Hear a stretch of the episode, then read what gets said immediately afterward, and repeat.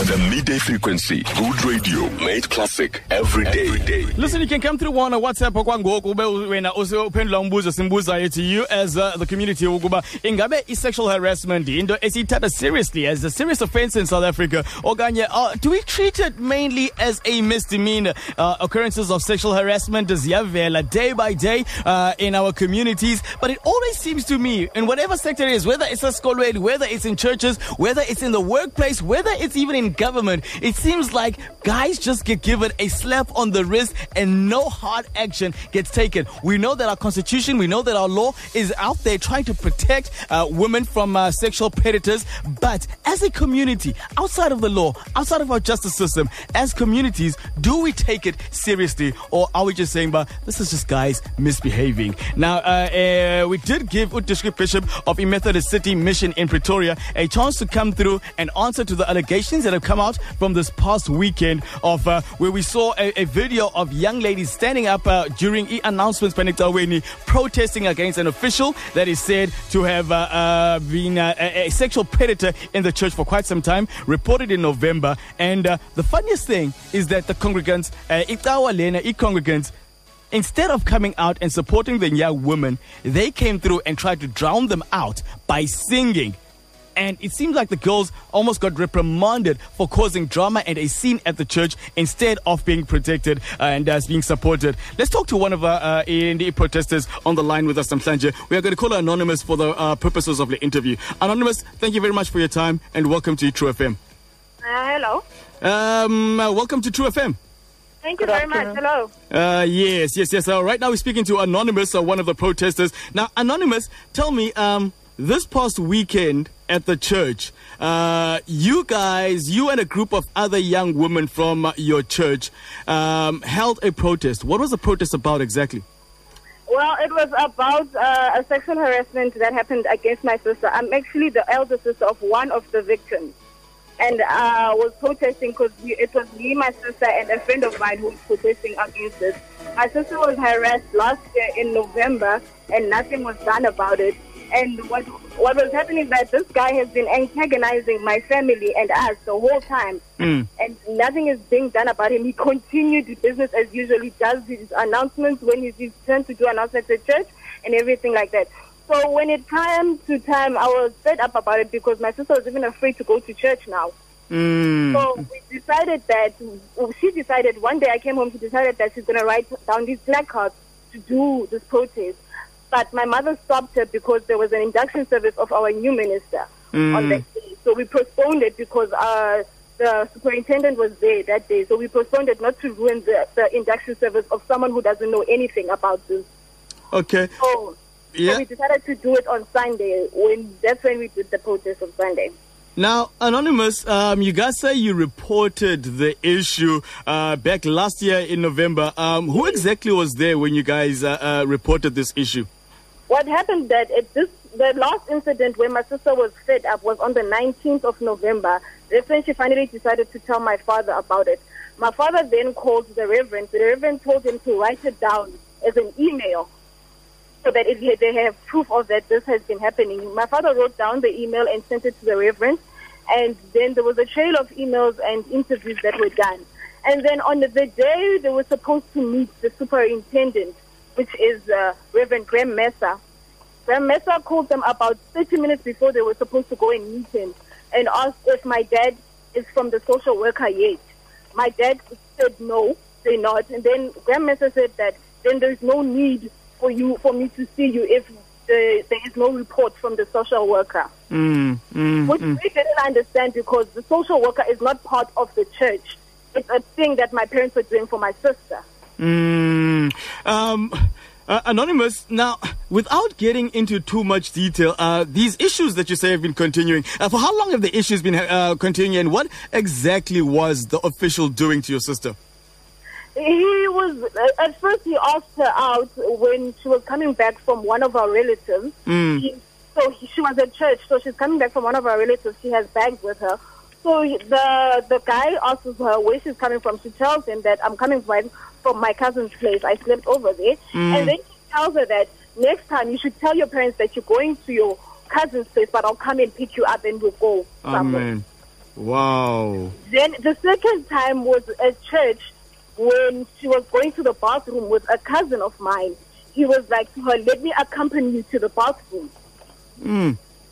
Then he pulled her closer, asking for her number, and my sister's been telling her that, no, I don't have a phone, I don't have a phone, trying to back him off, trying to tell him that I'm not interested in you. Mm. And then he pulls her closer, that he pulls her closer and told her that after church you should come and take my number or I'll take your number. And my sister was like, okay, just to get out of the situation. Wow, wow, wow, wow. So wow. that's what has been happening. Um, okay, uh, right now at this moment, I'd like to also introduce uh, Dr. Lesley Ann Foster, who is uh, uh, the Executive Director at Umasimanyane Women's Group uh, uh, here in East London. Dr. Lesley Ann, thank you very much for your time and welcome to True FM. Thank you so much, and good day to all the re- listeners. Uh, here's a young lady, one of the protesters uh, from uh, this uh, vi- viral video that went on, and uh, we're hearing the stories uh, of what's been happening. Um, what words of encouragement can you give to her and to the other protesters and to her family at large about this incident that's been happening? It's been going on for quite some time. I think what I'd like to say first of all is congratulations and thank you for having the courage and the strength to actually stand up and to um, protest against this abuse of power. Uh, all forms of uh, sexual violence, sexual harassment is about uh, power and control over others. And in this uh, case, I mean, within a church setting, you see this gross abuse of power. But we are seeing this across the country now. You've had a school principal recently where a video's gone viral around his abuse of girls at school. We have uh, within the religious sector as well a number of stories. We also have the Nigerian pastor, you know, who's on trial at the moment. The essence of this is that um, violence against women is growing, that uh, power uh, is a particular, it's not the only, but it's a particular driver of violence. And I think that the silence of communities mostly is the big problem that we face. So these young women have had incredible courage to stand up, particularly in an institution where they know they are going to face, and they, I mean, it was demonstrated in the video, which I have seen, mm. that women tried to cover up what they were saying. Mm. But I think it's really admirable that women are saying enough is enough. And particularly young women are saying we are not going to put up with this. We are going to stand up and say it. We're going to call people to account. So I really admire them for the stand they've taken, for the way in which they've organized it, because they tried um, the diplomatic way to, you know, the father addressing it, going to, you know, who was the person in authority addressing it in a quiet way, and then it wasn't addressed, and they just disrupted that. So this kind of disruption is what we need every time there is an act of violence in order to stop it. It's brilliant. Really very proud of the young women. Dr. Lesley Ann, don't go anywhere. I'd just like to address Anonymous very quickly. Uh, we're going to be carrying on with you, Dr. Lesley Ann. Um, Anonymous, now, when uh, and the other protesters, uh, and I guess basically as uh, um, as young women in general, what would you like to see happening in this particular case, in this particular instance? I want justice for my for Yes. my sister and for all the other victims that have come out and say he has done this to me, but I was too scared to speak out. Mm. I want justice. I don't. I don't want. That's all I want for my sister: justice and for all the other people mm. because they've been suffering in, in silence, not knowing what to do. But as an elder sister, I felt the duty to stand up for my sister. Yeah, Anonymous, I want to echo the words of Ulendo O, Dr. Lesley, and you guys showed a lot of strength. You guys showed a lot of courage, and I'm hoping Ukuba uh, Lomba Lona is not something that is going to water away. It's not something that's going to fizz out, and that you will see the justice that you are seeking. Thank you very much, Anonymous. Thank you very much. Also. Now, Dr. Lesley Ann, um, I want to come back to you. Um, do you see it as a common occurrence? This thing of organizations, churches, societies, we are all so quick to jump on and demonstrate during uh, campaigns like the 16 Days of Activism, Women's Month, and other days. Yet, when we have victims on a regular, on a daily basis like this, uh, it seems like not much is being done against them. Well, the- I think the issue is that we work on a superficial level. You know, the, the rhetoric around uh, the issues of violence against women is very superficial. And it, it's like every time there's a murder of women or something, it's a nine-day wonder. Everybody is upset, you know, they, and they respond to it and so forth, and then they forget it the next day. What we need is systemic transformation of our communities and our societies hmm. in which we value the lives of men and women.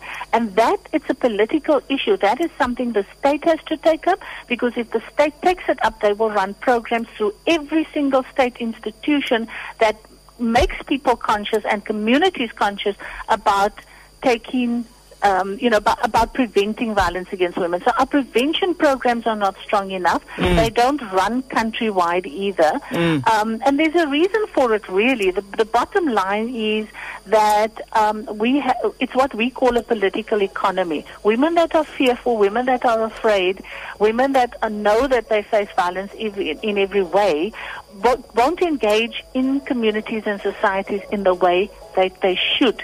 If we do, we will see our economy rising. We will see women coming to the fore and so forth. But it's it's again, it's about power. It's not wanting to recognize that women have agency. They can actually make a a very good contribution to our society. And uh, you know, our elders like Nelson Mandela, Walter Sisulu, all of them recognized that. This is hmm. why they said the things they said about women. Hmm. Nelson Mandela said, no one is free until all women are free. Hmm. And I mean, those powerful words, they get it. We need to get that kind of thinking into all of our leadership, into all of our communities. So uh, it's, it's a big job, it's a big task at hand, and it's something that we're chipping at all the time. I'm just happy to see that young women are stepping forward and taking up their leadership roles you know, as the new generation, and they have new ways of addressing this. They are protesting against it. They are being very clear. They're calling people out.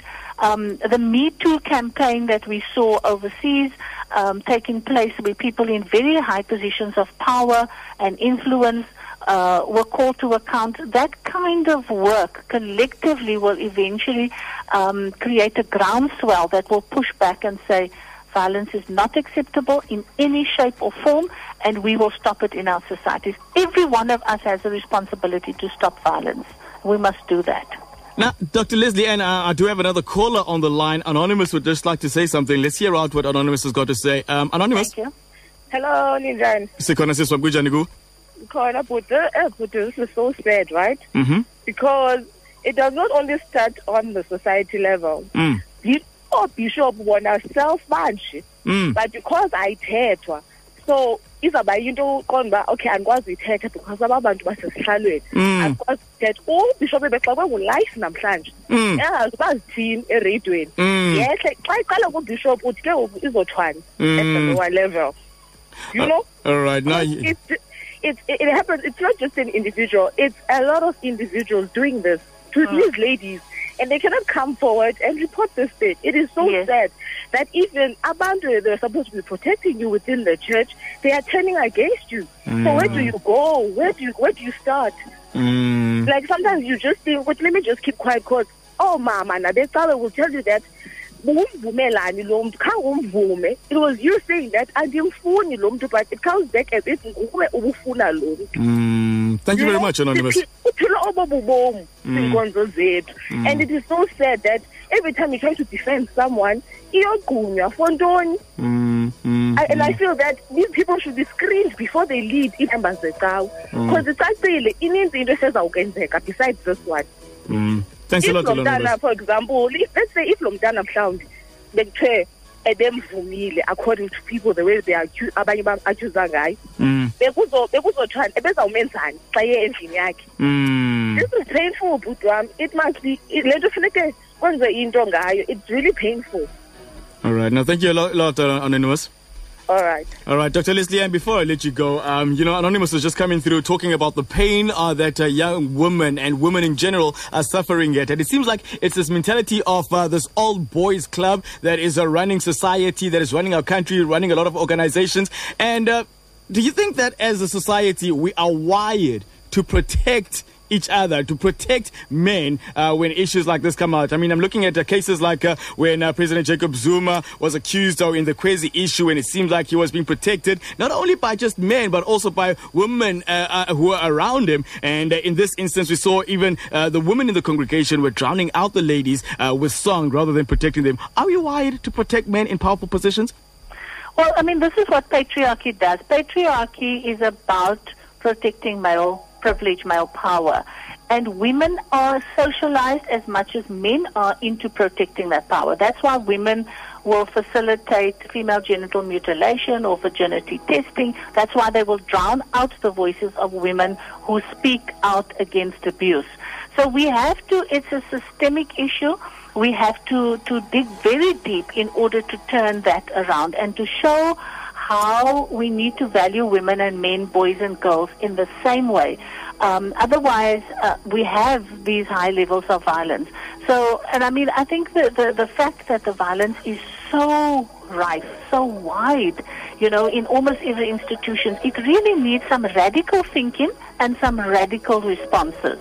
Mm. All right. Uh, hopefully, we can get you back sometime, uh, Dr. Lesley Ann, so that we can explore this issue further because I think that there's so much more that needs to be done in um, in really dismantling the patriarchal mentality that is yes. rampant in our communities. Thank you very much, Dr. Lesley Ann. Thank you. all. Bye. The midday frequency, 12 to 3 p.m., Monday to Friday on True FM, like no one else.